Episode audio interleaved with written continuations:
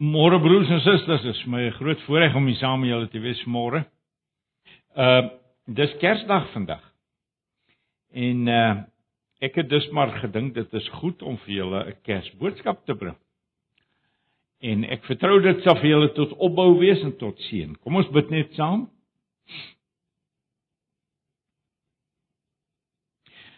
Onse Vader hierdie dag, Kersdag is en bly vir ons 'n uh, 'n wonderlike dag.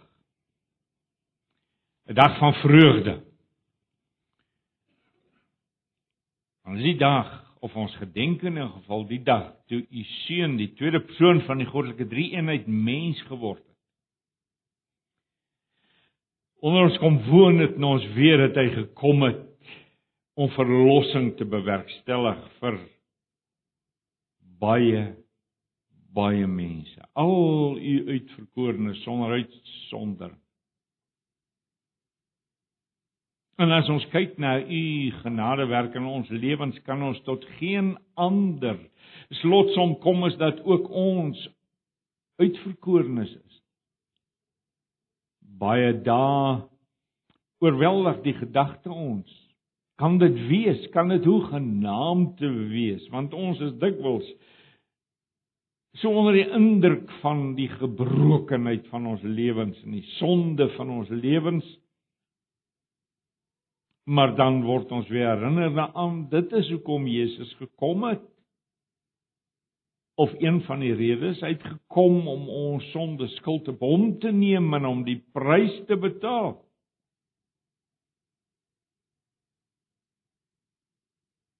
O Here ons God ons is meer bevoorreg as wat woorde kan uitdruk. Trouwens ons kan nie in hierdie lewe hoe genaamd begryp hoe begenadig ons is. Maar wat ons wel begryp is vir ons genoeg om ons ons lewe lank dankbaar te maak.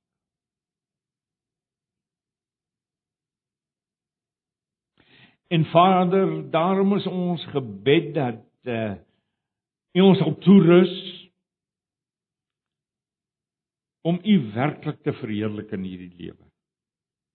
Dat dit nie maar net woorde sal wees nie, maar dat dit in volle ooreenstemming sal wees met U woord en dat u werklik tevrede sal wees met ons dankbaarheidslewens wat ons lei. Sodat wanneer die tyd aanbreek vir ons om heen te gaan, ons reguit soos 'n pyl uit 'n boog uit na u toe sal gaan omdat ons aan u behoort vir tyd en ewigheid.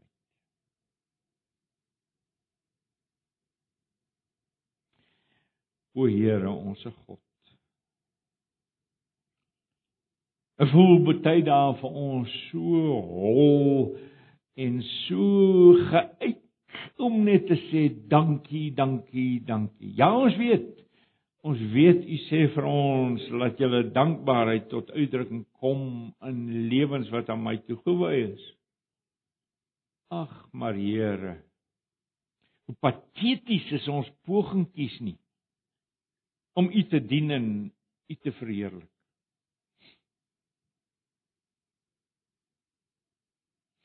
Maar dan kom die woord weer en sê ons is uit genade alleen gered. En hierdie genade was nie net ter sprake toe ons wedergebore is nie, dit bly ter sprake.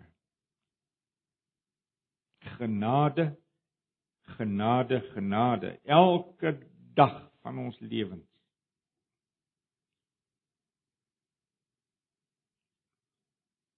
Ja, ons leef vanuit u genade.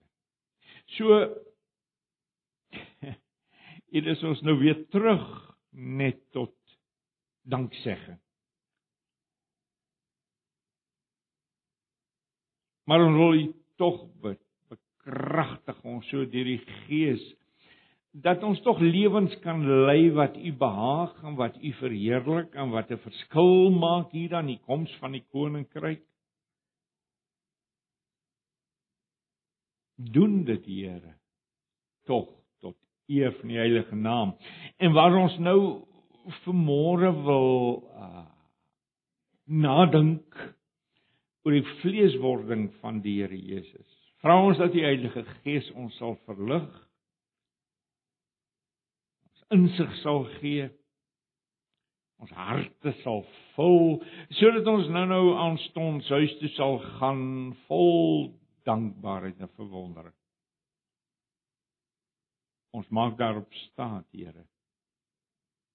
Maar U moet doen want as U dit nie doen nie, ons is nie in staat daartoe nie, maar kom en penetreer ons harte. Penetreer ons denke.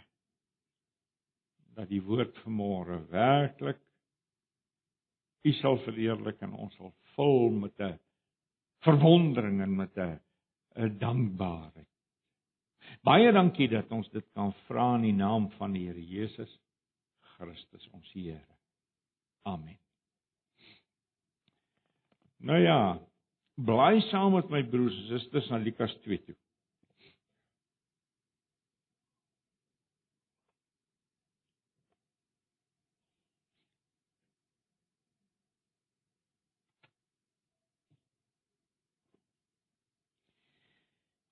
Lukas hoofstuk 2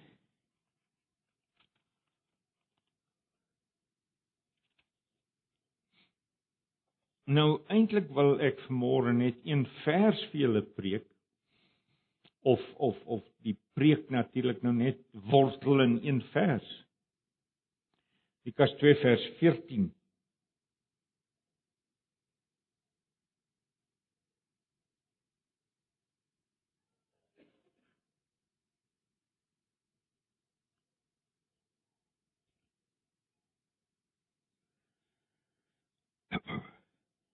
Maar terwyl van die konteks, kom ons lees 'n bietjie wyer. Vers 8. Ek lees uit die ou vertaling uit. Daar was herders in dieselfde landstreek wat in die oop veld gebly het en in die nag oor hulle skape wag gehou het. Met een staan daar engel van die Here by hulle en die heerlikheid van die Here het rondom hulle geskyn en groot vrees vir hulle oor het hulle oorweldig. En die engel sê vir hulle moenie bang wees nie. Want kyk, ek bring julle 'n goeie tyding van groot blydskap wat vir julle volk sal wees. Dat vir julle vandag in die stad van Dawid gebore is die saligmaker wat Christus die Here is. En dis vir julle 'n teken. Julle sal 'n kindjie vind wat in die wat in doeke toegedraai is en wat in die krib lê. Skielik was daar saam met die engele 'n menigte van die hemelse leerskare wat God prys en sê eer aan God in die hoogste hemele.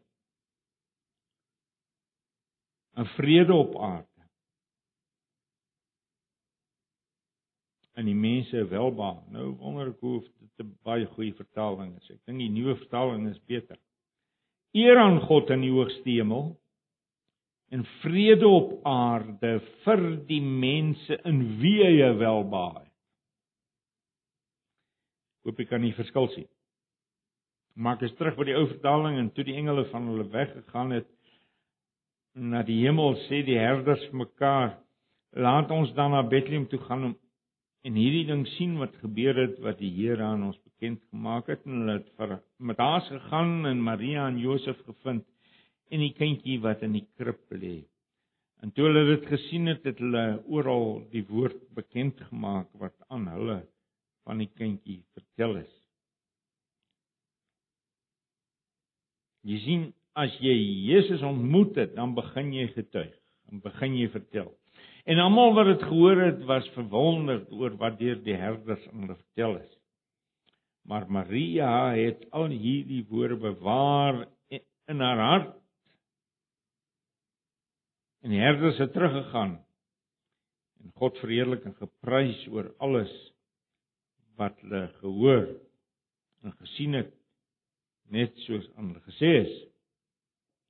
Nou eh, vers 14 weer in die nuwe vertaling Eer aan God in die hoogste hemel en vrede op aarde vir die mense in wie hy 'n welbehaag. NIV glory be to God in the highest and on earth peace to men on whom his favor rests. Ek dink julle sal met my saamstem dat die NIV en die nuwe vertaling grootliks ooreenstem. En dit is terloops dan ook die regte vertaling van die van die Grieks.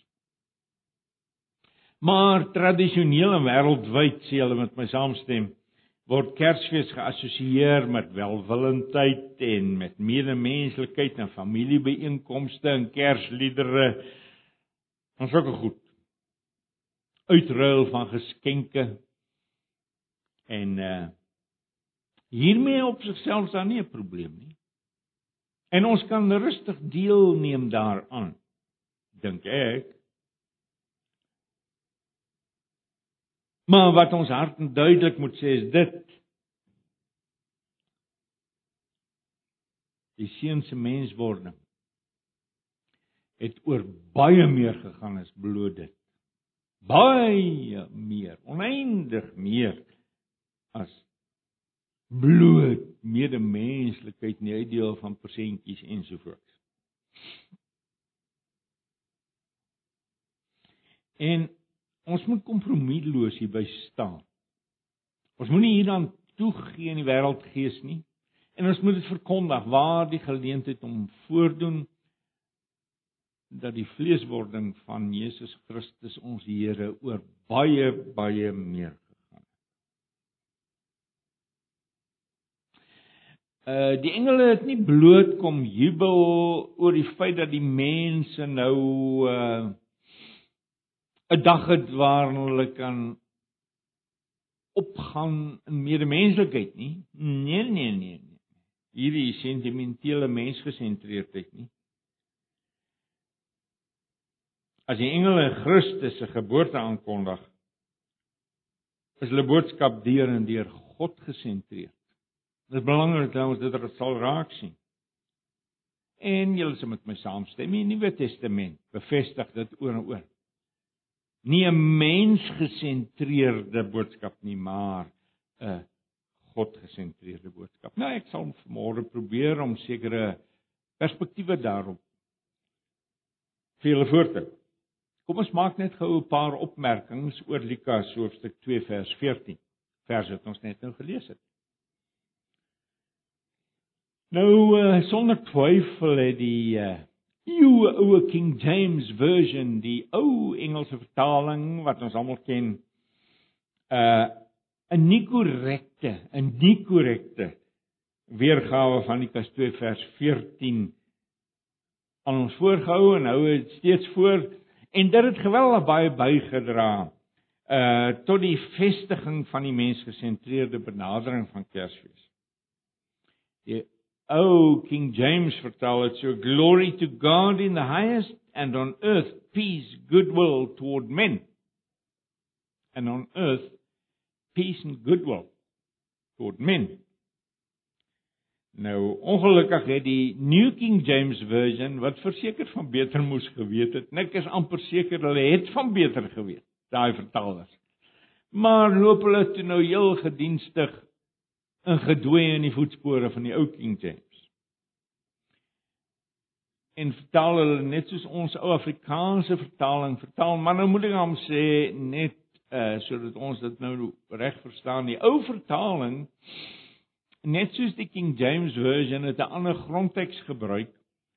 En ons moenie te hard oordeel oor die ou vertaling en die vertalers van die ou vertaling nie, want hulle het 'n bepaalde grondteks gebruik maar die King New King James het nou al die nuwe grondtekste gehad. Hoewel hulle hulle voor die tyd natuurlik die vertalers verbind het tot die ou grondtekste, 'n blote soort van verstokte tradisionalisme. So, die nuwe Afrikaanse vertaling is die regte vertaling. Nou julle sal weet dat ek ek wonder of julle nog sal onthou, maar ek het altyd dikwels gesê die nuwe vertaling is verkeerd, die ou vertaling is reg. Onthou julle dit? Maar hier sê ek nou die teenoorgestelde. En wat ek daarmee vir julle sê, ek wil daarmee vir julle sê, ek het altyd wat ek gesê het uh in 'n kom ons noem dit maar mm, integriteit gesê, eksegetiese integriteit. En so doen ek dit dan ook vanmôre hier. Eer aan God in die hoogste hemel en vrede op aarde vir die mense in in wie hy 'n welbehae. 'n baie goeie Engelse vertaling terloops is die ESV. Is 'n relatiewe nuwe vertaling en jy kan gerus as jy 'n goeie Engelse vertaling soek, kyk na die ESV. Hy het hom ook so reg korrek. Nou hierdie verskillende vertalings, as ek net so 'n bietjie tegnies kan verduidelik, is te wyte aan die feit dat die King James in die ou Afrikaanse vertaling gebaseer is op die Textus Receptus. Dis 'n ou eeue oue Griekse grondteks van die Nuwe Testament.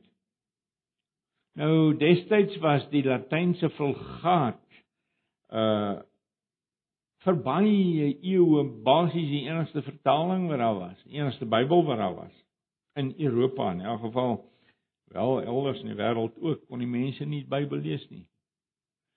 En uh, nou ja, julle sal weet dat Latyn so met die jare uh in onbruik verval het en net die geleerde mense kon Latyn lees soos dit vandag nog is. Uh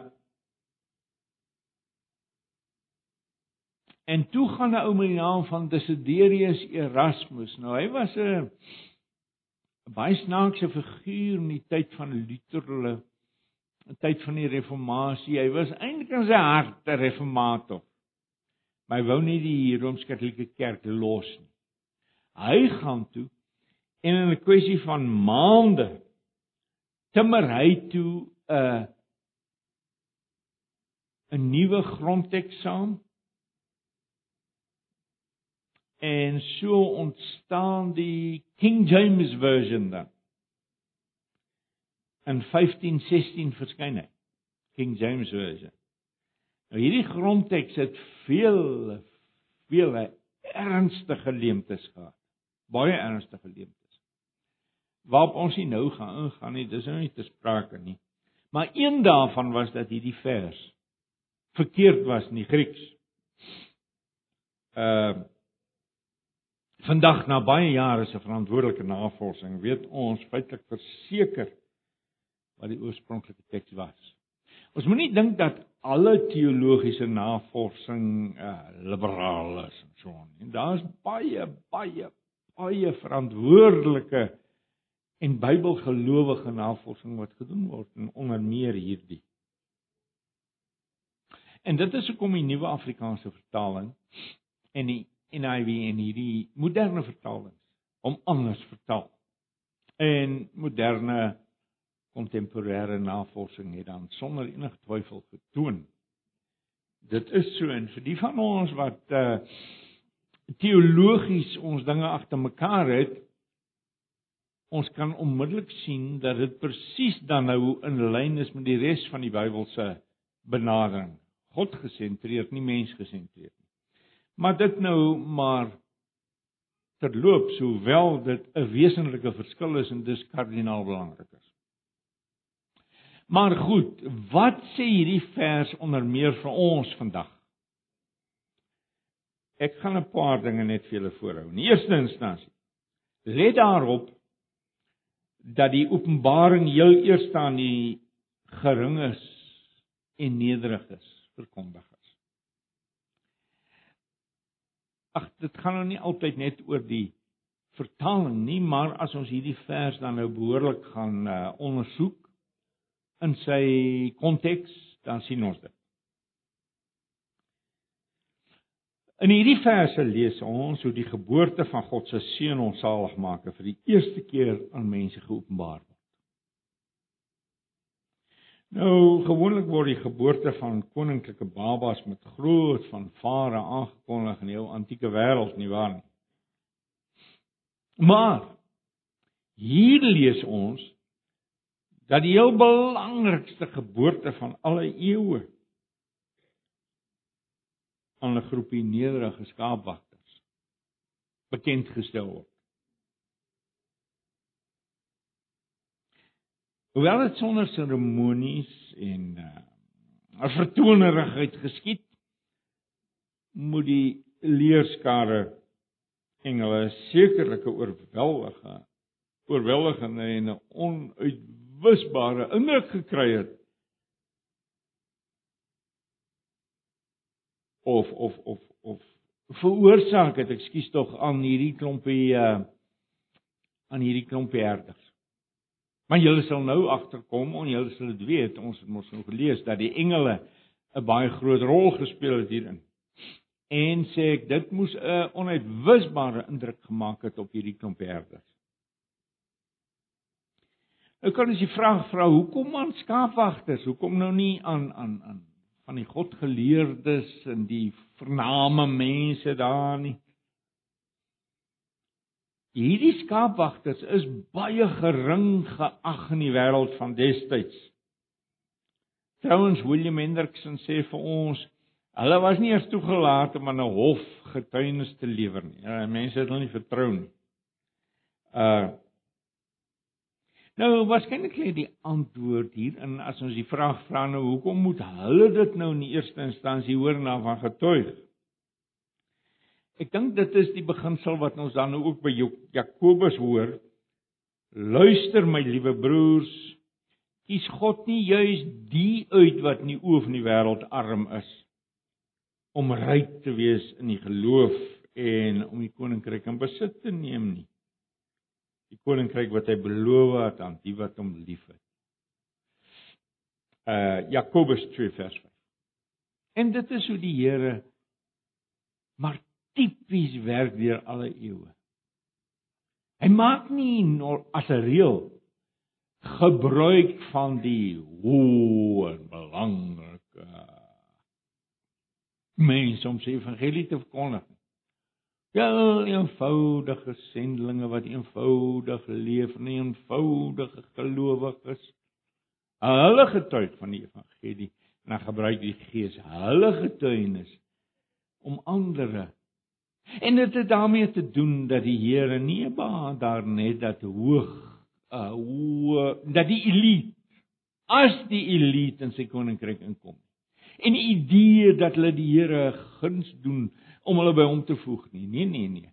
Hy soek mense wat arm van gees is.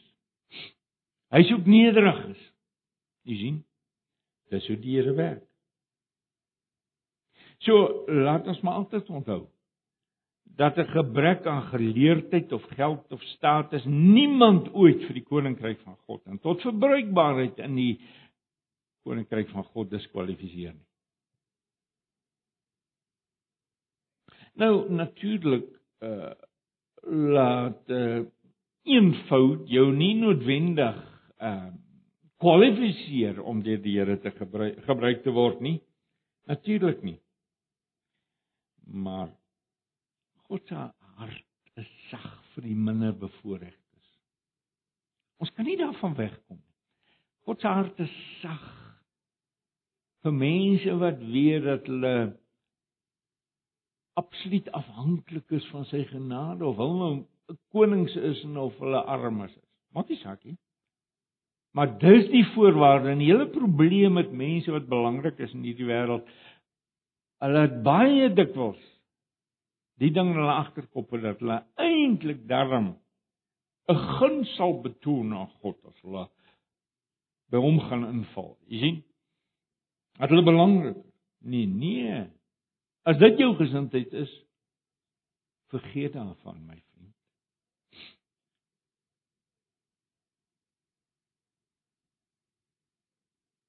Amos, dink 'n bietjie aan hom. Amos was 'n eenvoudige skaapboer. Gideon in die Ou Testament nou was op die dorsvloer toe die Here hom geroep het en Elisa, hy het geploeg Geleen van Satan dat gespierde Christendom net vir die geleerdes is. Dit is natuurlik so dat die Here baie dikwels ook geleerde mense red en rykes red en magtiges red. Maar altyd sonder uitsondering is die voorwaarde en dat hulle nederig sal wees voor hom arm van gees. Julle ken almal die uitdrukking. So dit is dus 'n mm, 'n beklemtoning wat ons weer en weer in die Bybel kry. Armoede van gees. Goed, 'n tweede toepassing of uh, gedagte. Hierdie uitroep van die engele is 'n vreugdeboodskap vir alle mense. Vers 10.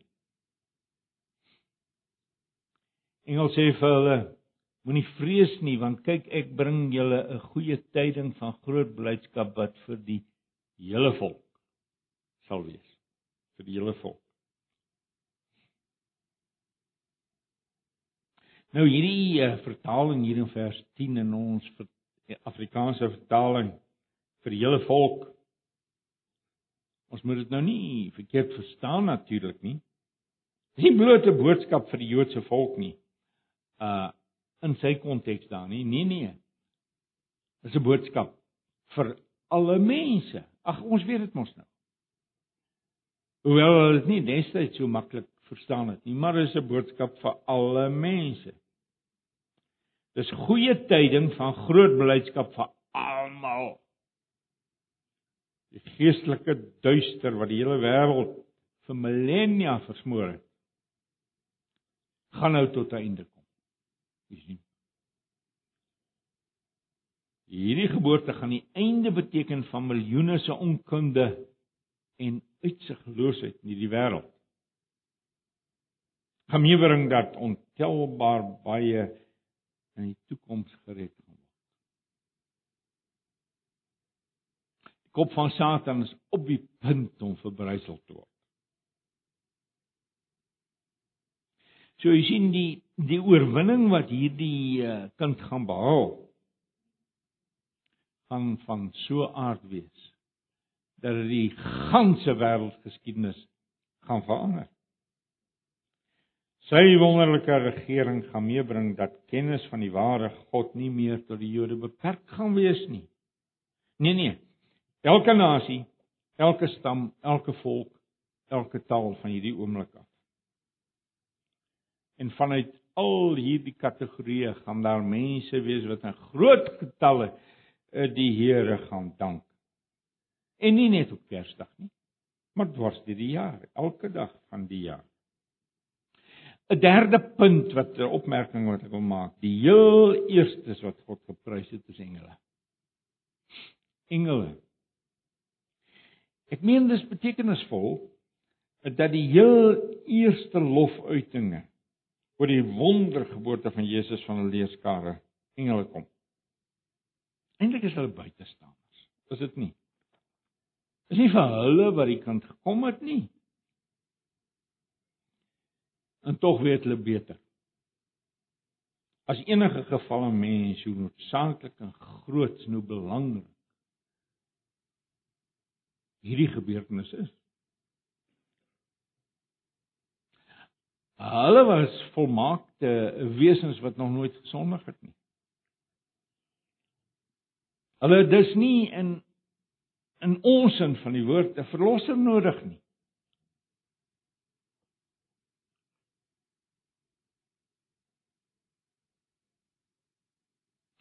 Maar hulle het intense meegevoel met hierdie klompie klein medeskepsels van mense wat hier op hierdie klein planeetjie aarde vasgevang sit in die bande van sonde en wat op pad is om verlore te gaan as die Here God nie ingryp in hulle lewens nie.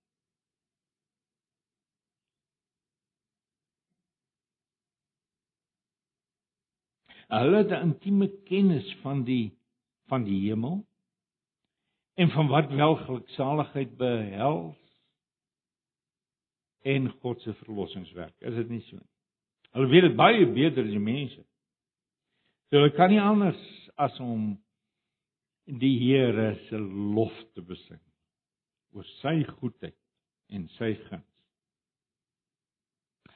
En nou uiteindelik is die is die bouer, as ek dit sou kan uitdruk, wat die kloof tussen hierdie gefalle mense en God gaan oorbrug.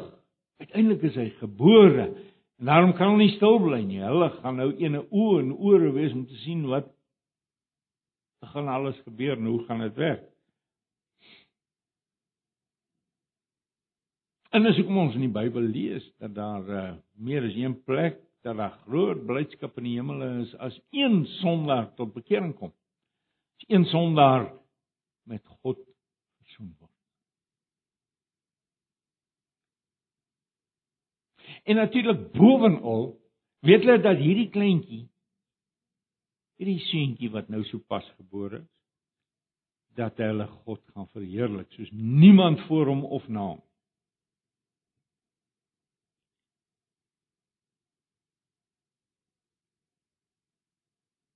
Nou al is dit ons wat hierdie voorreg ontvang en nie die engele nie. Skiet ons nog tans ver te kort aan hulle insig in ewigheidsake. Is dit nie so nie?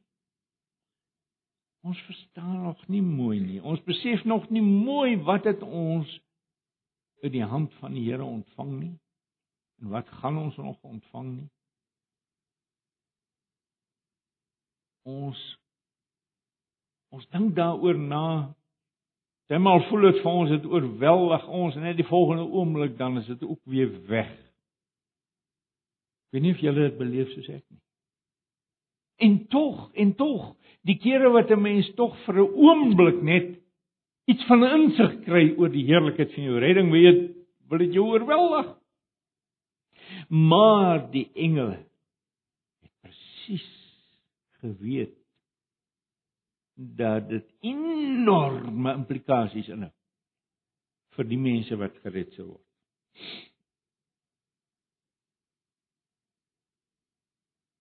Maar natuurlik, ons het hulle nou wat insig betref. Want ek sê weer, dis nie hulle wat verlos gaan word nie. Hulle het nie verlossing nodig nie. Dis ons wat verlos gaan word. En een van die dae gaan ons weet. Ek weet nie julle nie, maar uh, soos ek ouer word, besef ek al hoe meer die dag vir my heen gaan kom nader. Nou mag dit vir die jong mense hierna baie morbiede gedagte klink. Een van die wonderlike dinge wat ek in my lewe ervaar en ek dink ander gelowiges ervaar dit ook so hoe ouer ek word hoe meer begin ek uitsien daarna. Meer begin ek uitsien daarna. Dis een van die dae. Dis een van die dae. Ek weet ek lyk veel na 'n jong man wat hier voor staan, maar ek is werklik kan nie meer te lank wees nie. Dan gaan ons ontdek wat ons vandag nie vir 'n oomblik kan bedink eers nie. Ons is op die drempel van 'n nuwe jaar en en dis baie moontlik vriende, broers en susters, dat van ons in die volgende jaar na die Here toe gaan gaan. Dis baie moontlik. Is moontlik dat dit ek is. Miskien dink julle volgende uh, volgende Kersdag werklik Niklas het ook hy hy hy was die een van die wat gegaan het. Maar is jy gereed? Ek is gereed want ek kruip weg in Christus. Dis nog 'n ding wat ek ervaar soos ek ouer word. Ek besef al hoe meer, al hoe meer, al hoe meer dat my eie heiligmaking kwansuis nie eers soveel bydra nie. En ek is so bly om te sê dit hoef ook nie soveel bydra by te dra nie. Tewens dit durf niks poog om by te dra. Dis nie so nie. Bybel lees leer ons dat ons moet volledig vertrou op Christus. En dit is asof ek al hoe meer dit verstaan. Ek weet nie of julle dit so beleef nie, die die geloofslewe. Dis asof dit is soos 'n harde stuk beskuit, daai wat my ma so goed kon bak. wat jy in 'n in 'n beker koffie indruk. Dan trek jy hom uit, dan kan jy die boonste laagie afsuig, maar dan moet hy weer ingaan. En dan wag jy net maar wag jy en dan suig jy weer so 'n bietjie af en so aan. Nou so is dit met die kennis, met die insig, met die begrip van hierdie dinge. Dit dring al hoe dieper en dieper en dieper in. En soos wat dit dieper indring, soveel dit jou met dankbaarheid en blydskap en opgewonde afwag. In die vierde plek. Ook nie die engele lied word God as die groot inisiatiefnemer besing. Let mooi op wat die engele sing. Hulle sing nie God sal welbehae hê in diegene wat met hom vrede maak nie. Dis nie wat hulle sing nie. Nee nee. Hulle sing hy het 'n welbehae aan hulle diegene of sal ek dit anders omstel?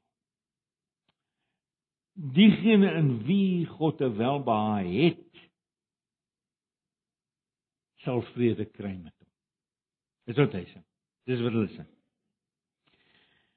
Terwyl die Bybel nooit die mense verantwoordelikheid miskien nie, natuurlik nie.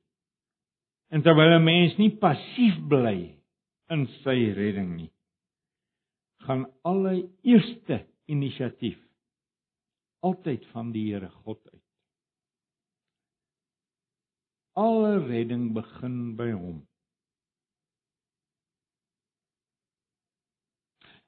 God het nie 'n reddende welbehae aan alle mense nie. Dis 'n verskriklike gedagte, maar dis waar.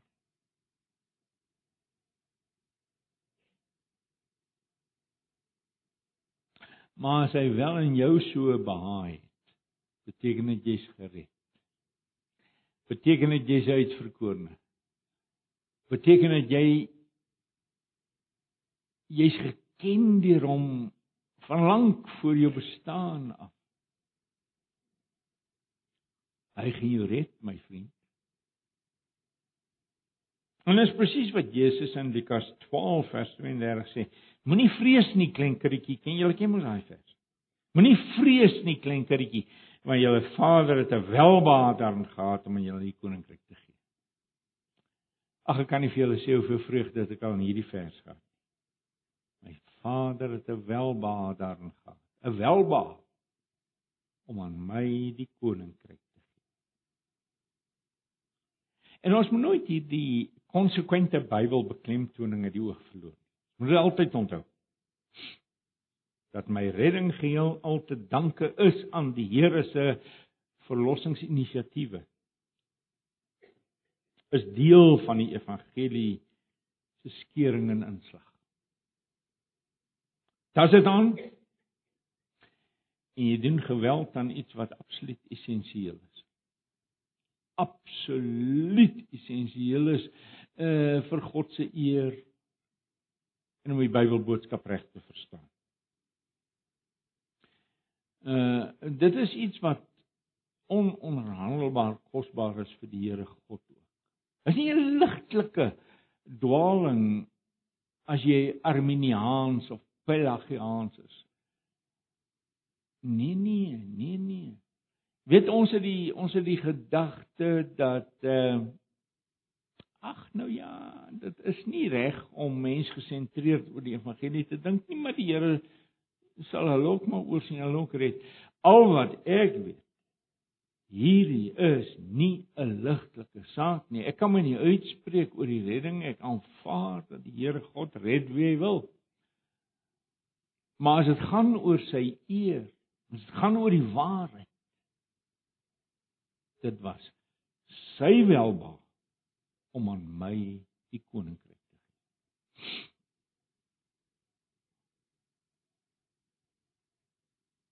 En dis waarom my Galasiër brief sonder blik of bloos God se vloek oor die Judaïste uitroep. Onthou julle?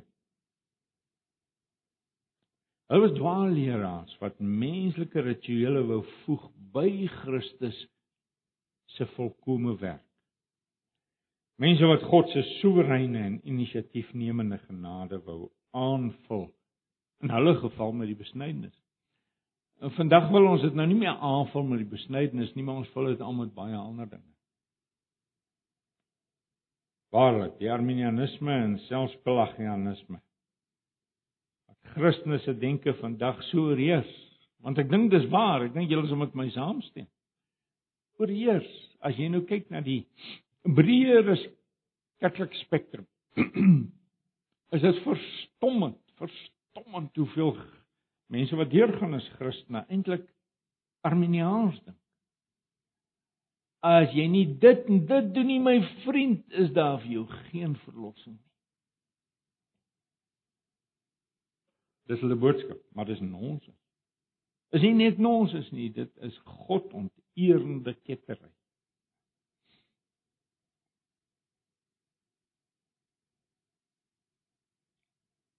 Vyfde mense in wie God te welbaar het kry vrede. Kry vrede.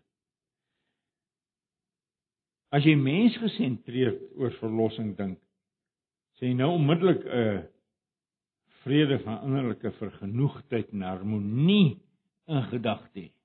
Is nie waarvan ek praat nie. Uitgesluit nie, maar dit gaan hier oor vrede tussen jou en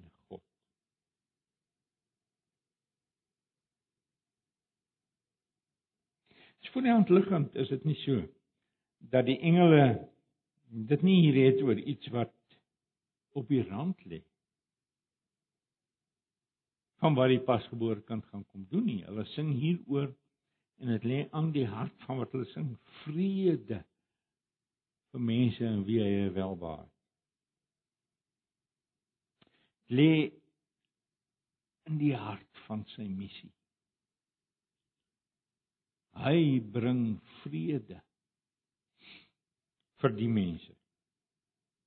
So as ons dan nou vir die Bybel sou vra wat die essensie is, dan dan is daar net een antwoord en ons kry dit in Romeine 5 vers 1 verwoord byvoorbeeld dit gaan oor vrede met God. Vrede met God.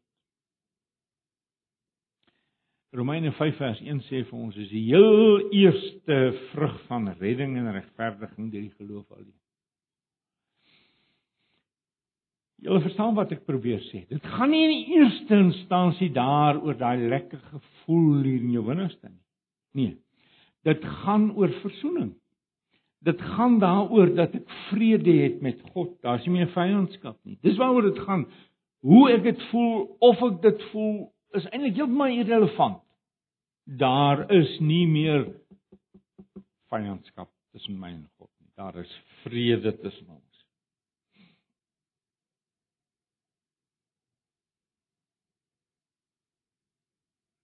Bybelhouer nie, weet julle, om die verwydering tussen God en die gefalle mens as vyandskap te tipeer nie.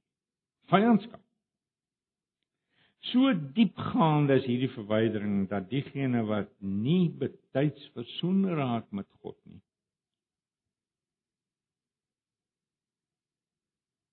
gedoem is om die ewigheid in die hel deur te bring. Dis absoluut noodsaaklik dat ek en jy versoen sal wees met God. En dit gaan nie ek sê net weer dat ons dit nie misverstaan nie. Dit gaan nie daaroor dat ek nou lekker gevoel van vrede het nie. Maar dit gaan daaroor dat daar nie meer vyandskap tussen ons is nie.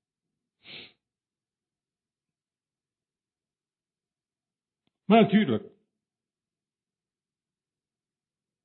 as dit aan die hart lê van wat die kind gaan bewerkstellig, kan ons aanvaar dat verzoening met God nie 'n onbereikbare droom is nie. Trouwens die woord van God laat geen steen onaangeroer om die boodskap tuis te bring. Na die Vader se hart en arms oop is vir sondaars. Dat dit vir hom 'n vreugde saak is as daar vrede kom tussen hom en sondaars. En elke een wat gered word, wat hierdie vrede ingaan is vir hom 'n saak van blydskap. En wees dus verseker dat die uitnodiging tot vrede met God die uitnodiging tot verzoening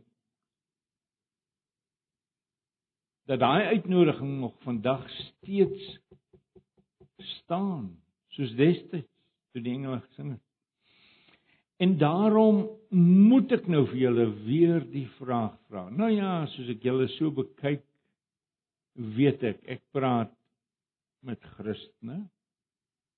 Ek praat met mense wat wel hierdie verzoening ervaar en ken.